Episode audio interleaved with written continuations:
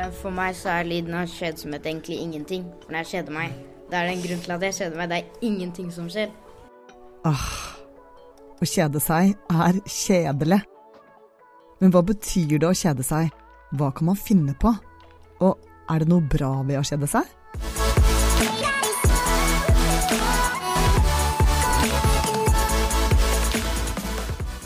Du hører på Juniorrådet, en podkast laget for barn av Aftenposten Junior. Jeg heter Synne og har intervjuet helsebroren Per Arthur Andersen om kjedsomhet. Men aller først skal vi snakke med noen syvendeklassinger på Uranienborg skole. Det er sånn, Rett før jeg legger meg, så kjeder jeg meg alltid, og da er, sånn, da er det helt stille.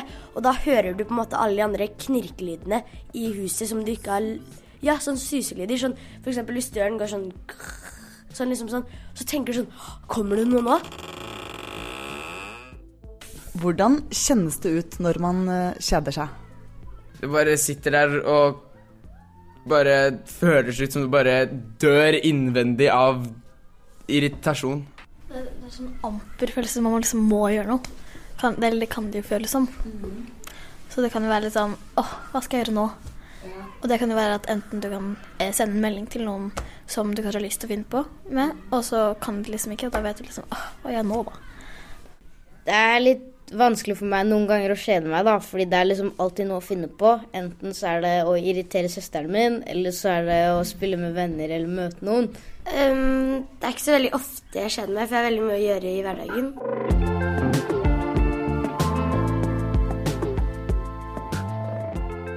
Da skal vi ringe Per Arthur, altså helsebroren, og høre hva han mener om det å kjede seg.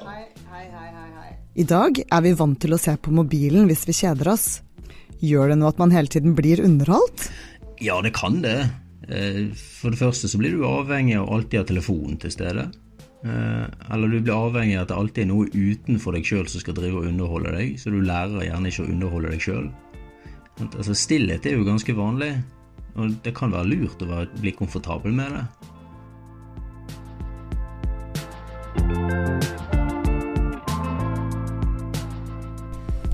Hender det at dere bare ligger på sofaen eller i sengen og bare ser i veggen, liksom, uten å se på telefonen, og bare kjeder dere og har ingenting å gjøre og bare tenker? Det, det som skjer med meg, da, er at noen ganger hvis eh, jeg virkelig kjeder meg, så kan det hende at jeg bare legger meg i sofaen, sofaen jeg greier ikke å snakke, og så ser jeg opp, og så bare til slutt så sovner jeg. Og så våkner jeg to timer senere, og så er det plutselig noe å gjøre. Ja, men jeg, jeg føler at jeg greier ikke å sitte stille lenge nok til at det er et valg. Det skal liksom mye til, for det er ikke um, Det er mye som skjer i hverdagen, som uh, trening, uh, lekser og prestasjoner du skal gjøre på skolen, som Så det, er, det blir ikke så mye av å kjede seg. Er det noe som er bra med å kjede seg? Um, Jeg føler at eh, når man kjeder seg, da, så får man litt mer tid til å tenke.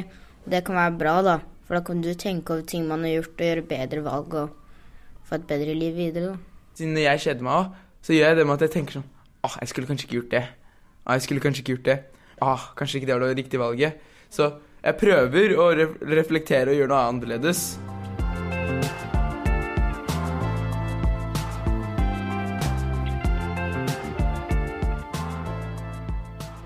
Er det bra å kjede seg?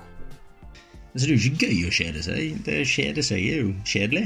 Men det er jo nettopp det at når du kjeder deg, så blir du utfordret gjerne til å finne på noe. Du kan bli kreativ og ikke gjøre noe, sant? fordi du blir utfordret til å tenke utenfor boksen. Hvis det første du gjør når du kjeder deg, er å ty til telefon eller PC eller TV eller andre ting, så blir boksen du tenker utenfor, veldig liten.